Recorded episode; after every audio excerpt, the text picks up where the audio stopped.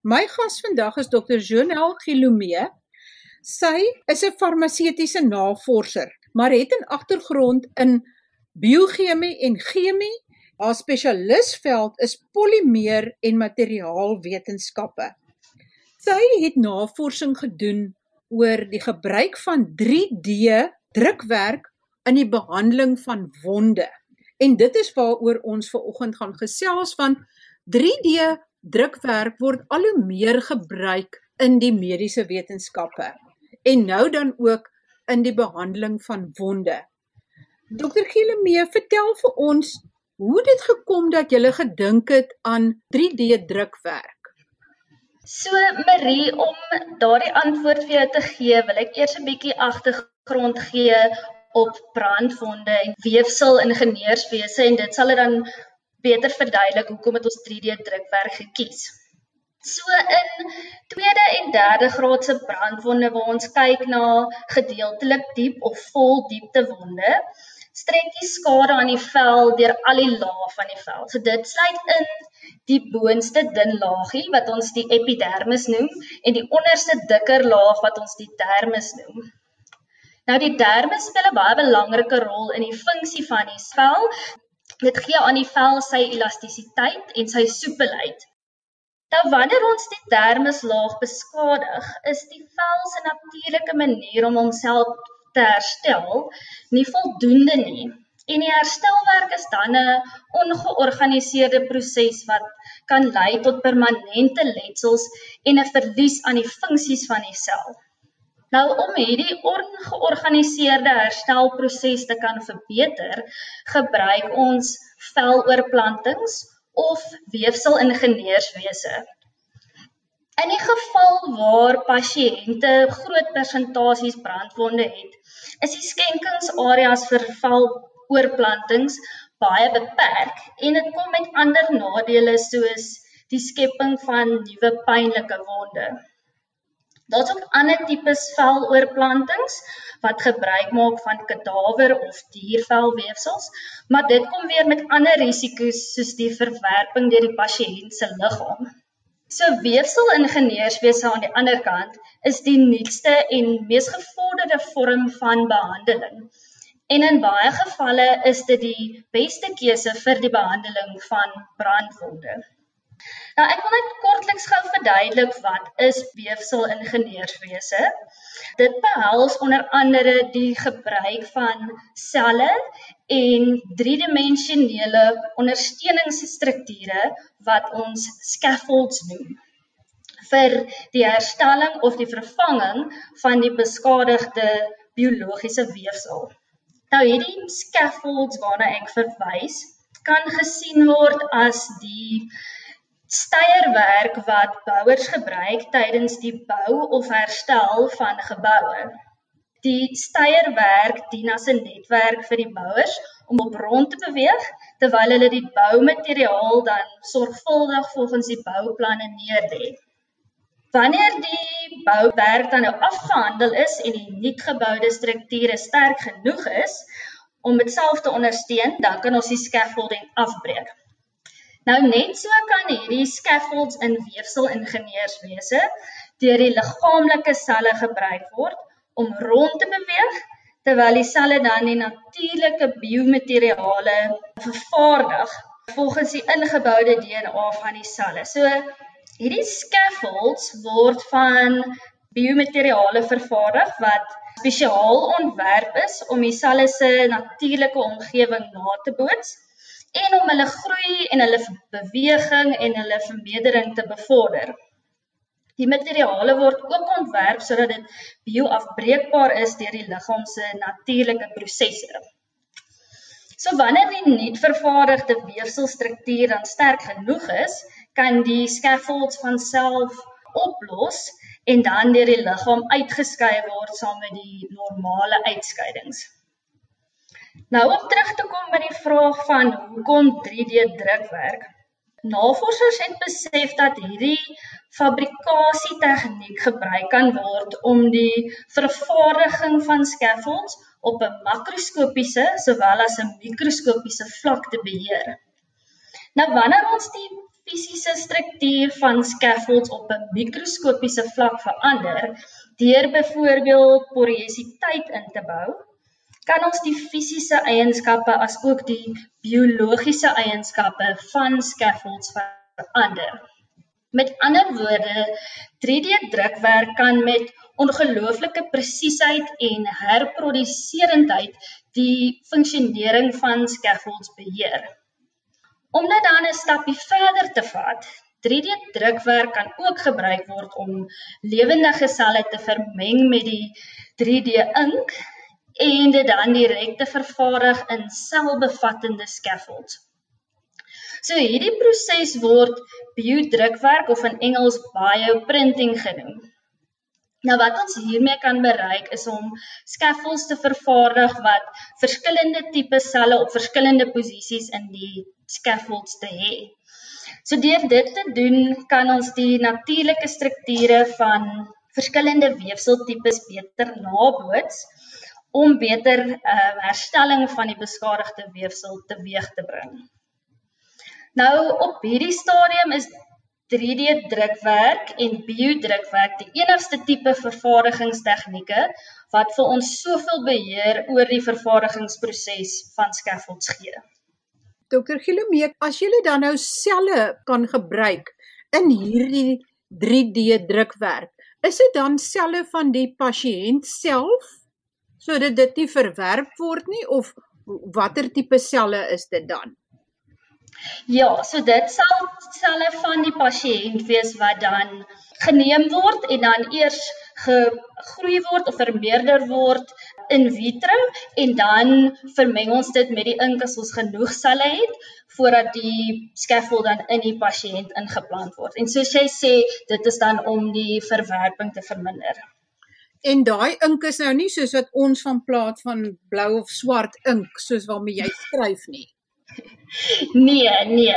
Hierdie ink sal dan nou van dieselfde tipes biomateriale wees wat ek dan nou vroeër verduidelik het met al daai eienskappe waar dit die selle se groei sal bevorder. Dit hang af van die tipe 3D druk tegniek want mens kry verskillende tegnologieë en elke tegnologie gebruik 'n ander tipe ink. Byvoorbeeld die 3D drukker wat ek in my studie gebruik het, is die extrusion based 3D drukker. En dit kan basies enige stywe maar vloeibare materiaal as die ink gebruik, solank daardie ink dan net deur 'n fisiese of chemiese interaksie kan stol. So hoe lyk dit as jy nou met die drukwerk begin? Is dit dan nog vloeibaar, dan stol dit baie vinnig en dan sit jy die volgende laagie op in die volgende laagie totdat dit dan letterlik driedimensioneel is. Dit kan op of elke laagie op sy eie stol of as die materiaal styf genoeg is en homself kan ondersteun, kan ons die hele 3D netwerk klaar druk en dan aan die einde van dit die stolproses begin brandwonde kan nogal baie erge littekens veroorsaak. Byvoorbeeld baie diep brandwonde, dan kry jy daai tipiese voorkoms dat die vel so styf span en amper so glasagtig en onelasties is en so kan styf trek. Weet dit lyk net nie soos gewone normale vel nie. As jy nou hierdie 3D matriks gebruik vir die wondherstel, lyk die vel meer soos normale vel as dit herstel het of het dit ook daai glasagtige dun voorkoms? Marie, in hierdie stadium is die navorsing in 3D drukwerk vir wondgenesing nog meestal wat ons noem proof of concept. So daar's baie studies wat nou al gedoen is in die in vitro en die in vivo omgewings maar ons nog nie noodwendig kliniese studies gepubliseer nie. So as ek dalk net 'n bietjie kan vertel van die studie wat ek gedoen het en dan wat ons bevind en dan kan ek vir jou sê hoe die wonde nou gelyk het. Vir my studie was ek onder andere geïnteresseerd in die verhouding tussen die struktuur en die funksie van 3D drukwerk in die behandeling van brandwonde. En die navorsing wat spesifiek gekyk het na hierdie tipe verhoudings is baie skaars. Ek het onder andere net een studie gevind waar 'n 3D gedrukte scaffold met 'n poreuse drukpatroon met 'n kommersiële produk vergelyk was. En hulle het gevind dat die 3D gedrukte scaffold vinniger en beter wondgenesing tot gevolg gehad het in 'n in vivo wondmodel. Nou in my navorsing het ek twee gedrukte scaffolds met mekaar vergelyk wat van dieselfde materiaal vervaardig is. So die een het 'n Niporeuse 3D drukpatroon gehad en het dus uit 100% van die materiaal bestaan. En die ander een het 'n Poreuse 3D drukpatroon gehad wat uit 60% van die materiaal bestaan het. Vir die luisteraars wat hierdie Poreuse patroon wil probeer visualiseer, dink aan dun draadjies materiaal wat in 'n enkele laag parallel aan mekaar lê. Die opeenvolgende laag word dan teen 90 grade geroteer om dan die crosshatch patroon te vorm. Nou die nie-poreuse en die poreuse patroon het ge tot gevolglik uh, verskillende fisiese eienskappe gehad. En die doel was dan om te kyk hoe die verskillende patrone die brandwondgenesing affekteer in 'n in vivo wondmodel op laboratoriumrotte. In my studie het ek twee goed gevind. Nommer 1 was dat daar nie 'n statistiese verskil in die genesingstydperk tussen die twee tipes drukpatrone was nie. En nommer 2 was dat die letsels van die rotte wat met die poreuse 3D gedrukte scaffolds behandel was, was baie minder prominent na die genesingstydperk van 20 dae. So meer spesifiek, hierdie letsels was minder gesonde ten opsigte van die gesonde vel en die buiterand van die letsels was minder opvallend. En soos jy nou gesê het, omdat die letsels van brandwonde, jy weet, 'n groot effek op die lewens van brandslagoffers het nie net op 'n fisieke vlak nie, maar ook op 'n emosionele vlak, was ons baie opgewonde oor hierdie resultate. En in die groter prentjie van brandwondbehandeling beteken dit dan dat die 3D drukwerk selfs sonder die pasiënt se eie selle 'n belangrike rol het om te speel. Nou om terug te kom by jou vraag van hoe lyk die wonde? Ons is nog nie op 'n stadium wat wonde heeltemal sonder enige letsels kan wees as dit op die dermisvlak is nie. Maar as ons enige verskil kan sien aan hoe die letsels op die ouend lyk dat dit beter is, dan is dit vir ons 'n stappie in die regte rigting. Die gebruik van driedimensionele biodrukwerk word al hoe meer in mediese wetenskap gebruik. Natuurlik ook in ander nywerhede en vir ander doelwitte maar nie mediese wetenskap dink 'n bietjie aan die skedel wat gedruk is met 3D drukwerk of 'n kakebeen vir iemand wat rekonstruktiewe chirurgie nodig het. Maar met hierdie drukwerk word daar dan letterlik weer lewende weefsel geskep. Stel jou voor, daar's 'n raamwerk wat gedruk word met ink wat bestaan uit biomateriaal en uit selle van die persoon self, van die pasiënt self, sodat dit glad nie kan verwerp nie. En dan druk hulle hierdie matriks. Hierdie matriks word dan presies gesit op die brandwond. En dan begin hierdie selle te integreer met die dermis en die epidermis. Met ander woorde selle wat kan ontwikkel tot bloedvate en selle wat kan ontwikkel tot ander strukture wat in die dermis en epidermis nodig is. Ek kan nie help om dan te dink aan wat professor Francis Smith by die Universiteit van die Vrystaat doen met betrekking tot die ontwikkeling van 'n hart nie. Hy is hoof van kardiologie en ek het daar in sy laboratorium gestaan en kyk na 'n rothart wat hulle gestroop het van al die DNA sodat daar letterlik net 'n spierwit matriks oorbly. En toe het hulle hartspierweefsel gekweek in die laboratorium in 'n bakkie.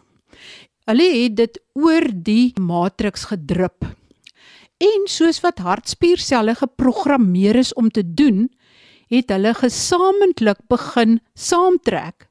En stel jou voor dat in die toekoms As dit op 'n punt kan kom wat so iets ontwikkel word wat sterk genoeg saamtrek om oorgeplant te word in 'n pasiënt dan is daar 'n nuwe manier om hierdie verskriklike tekort aan skenkerorgane aan te vul. Wanneer dink jy sal dit reg wees om op mense te gebruik of dink jy dit is nog ver in die pad af? Die navorsing in die veld van 3D drukwerk en biodrukwerk word teen 'n geweldige spoed uitgevoer en in groot volumes gevoer. En daar's definitief nog baie uitdagings in terme van veral biodrukwerk en om al die nodige goedkeuring vir dit te kry. So ek wil nie noodwendig 'n tydperk daaraan koppel nie, maar ek is seker ons gaan binnekort jy weet ten volle funksionele 3D gedrukte velle kan sien wat kompleet met al die strukture, die vaskulêre bloedvaatjies en die sweetkliere en die haarfollikels en al daai goed gedruk word. Want op die oomblik het hulle al velstrukture geprint waar hulle ehm um, spesifiek die epidermis en die dermisvel laag met hulle onderskeie selle gedruk het. En in in vivo eksperimente was die ooreenkomste tussen hierdie selbevattende scaffolds en die natuurlike weefsel baie goed. En daar was ook nou baie goeie bewyse dat hierdie biogedrukte velstrukture effektief kan wees vir die herstel van die vel se funksies. Ja, ek dink binnekort glo ek sal ons hierdie toetse dan in 'n kliniese omgewing sien. Maar dit is absoluut fantasties as jy daaraan dink dat jy kan eintlik 'n matriks of 'n scaffold druk van materiaal wat weer geabsorbeer kan word deur die liggaam as dit sy funksie gedien het of wat jy dan selle van die persoon, die pasiënt self kan gebruik om op hierdie matriks te druk en in die ink te sit dat dit werklik waar strukturele fisiologiese funksies kan verrig. Dit is verstommend. Ja, maar dit is 'n ongelooflike veld en dit is ongelooflik om deel te kon wees van die navorsing wat in hierdie veld gedoen word. As jy 'n boodskap wil gee oor hierdie werk wat jy gedoen het en wat die toekoms inhou, wat sou jy sê kan ons verwag in die toekoms? My navorsing vorm nou maar net 'n klein deeltjie van 'n baie groter prentjie, maar dit vorm ook deel van die fondasie vir ander nuwe navorsingsprojekte. En as ek dit kan doen, daar's al reeds nuwe projekte by die groep waar ek my navorsing gedoen het wat alweer op my bevindinge bou. Vir die toekoms sal ek sê spesifiek vir brandwondbehandeling dink ek die toekoms lê beslis in in Vivo 3D drukwerk. So wat dit behels is die skandering van die brandwond area gevolg deur die direkte 3D drukwerk van die behandeling dan bo op die wondarea. Hierdie tegniek gebeur dan heeltemal outomaties op die pasiënt se liggaam en dit sal voorbereidingstye verminder as ook die hantering van die behandeling verminder wat gevolglik die kanse op besmetting kan elimineer. Dit sal ook die herproduseerbaarheid en die akkuraatheid van sulke behandeling dan kan verseker. So dit is regtig 'n baie interessante deel van hierdie veld.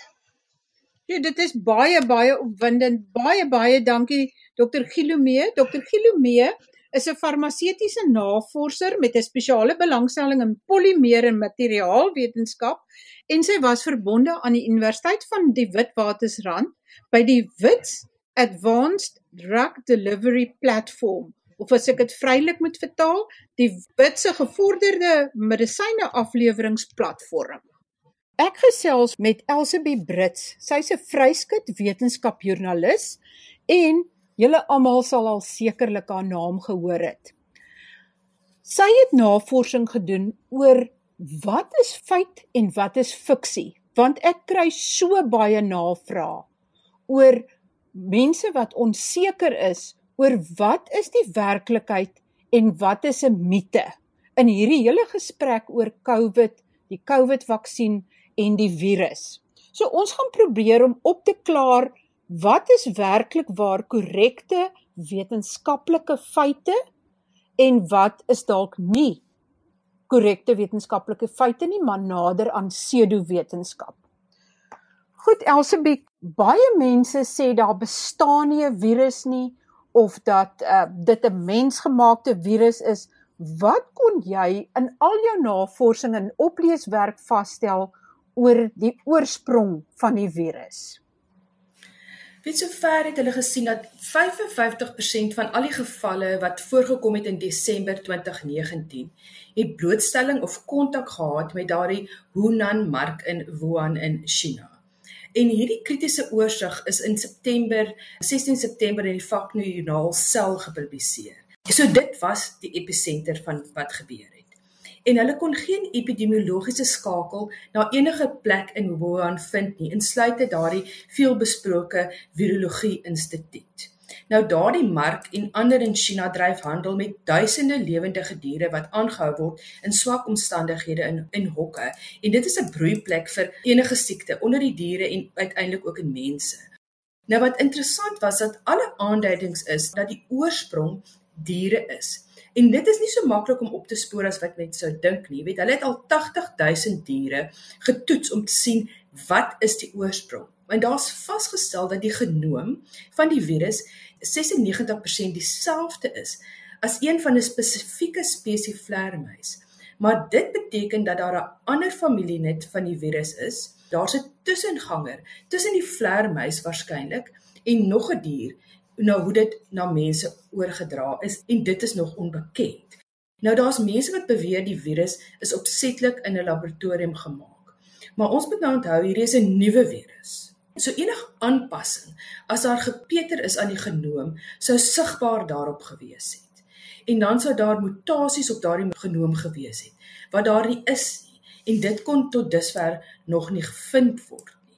Ek dink die algemene publiek besef nie dat as mens na die genoom van enige organisme of dit nou 'n virus is en of dit nou 'n mens is of 'n dier is, kyk, kan mens letterlik in die laboratorium sien as daar dele ingevoeg is. Jy kan dit sien. En weet daar's 'n ander tegniek waarvoor die Nobelprys gewen is in 2019, die CRISPR-Cas9 wat werk soos 'n genetiese skêr. En daardie tegniek is nog nie uitgerol vir mense nie. Jy weet, dit is nog laboratoriumwerk en jy sal dit so iets kan sien. Maar jy weet iets wat nie in China se guns getel het nie, is dat hulle redelik geheimsinnig aan die begin was. En hulle wou nie saamwerk nie en selfs nou nog. Maar ons weet president Biden het 'n intelligensieverslag ontvang nadat hy ondersoek gevra het. En daar is gesê hulle kon nie beslis sê wat die oorsprong is nie. Maar dit kom van diere of dit van diere afkom en of dit per ongeluk uitgelek het uit 'n laboratorium nie volgens die verslag. Maar wetenskaplikes en hulle studies sê nee. Dit is hoogs waarskynlik dit kom van diere af. En daardie laboratorium in Wuhan is beslis bioveiligheidsvlak 4 pandemies is onverwendbaar, dit gebeur. Ons het dit al voorheen gehad en dit sal weer gebeur.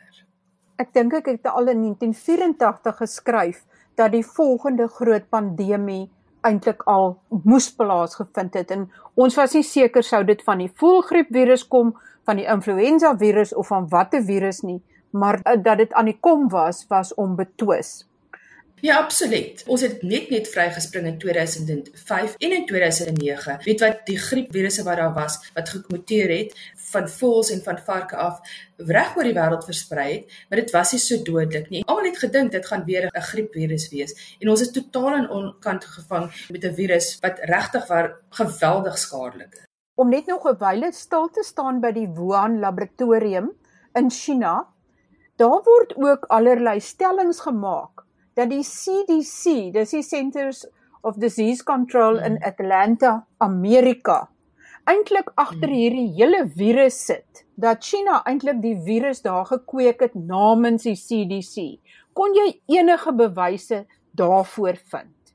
Totaal en al nie. Jy weet die Amerikaanse CDC is regtig 'n organisasie wat bo verdenking is en ons kan vir hulle baie baie dankie sê vir al die werk wat hulle doen en die geld wat hulle instort om siekte te ondersoek en siekte te beheer nie net in hulle eie land nie maar reg oor die wêreld waar hulle oral heen gaan om te help met siektes wat uitbreek. Weet mense moet gaan dink om 'n virus te kweek hoe vreeslik moeilik dit gaan wees. Jy weet, veral 'n nuwe ene. Weet as jy nog 'n ou een gaan sê jy gaan hom aanpas, maar 'n nuwe een om wêreldwyd mense siek te maak, om die hele wêreld in 'n ekonomiese gemors te laat beland, om soveel sterftes, jy moet dan 'n vervolgingswaansin lei.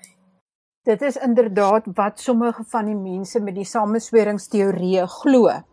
Dan is daar ook dissidente wat redeneer dat die virus nog nooit geïsoleer is nie en dat die virus eintlik glad nie bestaan nie. Kon jy enige iets vind wat dit substansieer?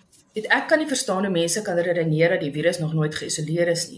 Soos in Suid-Afrika het ons ons eerste virus geïsoleer in die begin April by die Universiteit van Stellenbosch se vlak 3 bioveiligheidslaboratorium by die eenheid vir mediese virologie. Maar nog voor dit het verskeie ander lande dit gedoen. Binne dae nadat hulle die eerste geval gehad het. So die belangrikste egter is dat die virus se volledige genetiese samestelling, sy genoom, reeds in Januarie 2020 gekarteer is. Nou jy kan nie dit doen sonder om die virus te isoleer nie. En dit is wat bygedra dat die wêreld so vinnig geweet het waarmee hulle te doen het. Deur die genetika van SARS-CoV-2 eersins tot hulle beskikking te hê en dit dan verder te ontleed. Nou sedertdien het lande ook hulle eie genetiese ontleding gedoen. En dit is hierdie tegnieke saam die skandering wat die nuwe mutasies opgetel het en steeds opdaal. In Suid-Afrika om die nuwe variante te bestudeer het, het ons al meer as 16000 genome ontleed. En jy kan nie 'n genoom ontleed of enige genetiese werk doen as jy nie jou virus geïsoleer het nie. Dit is aan die einde van vandag se program. Luister volgende week wanneer ek gesels oor baie interessante feite wat aan die lig gekom het oor diabetesmiddels. Tot volgende week dan. Groete van my, Marie Hudson.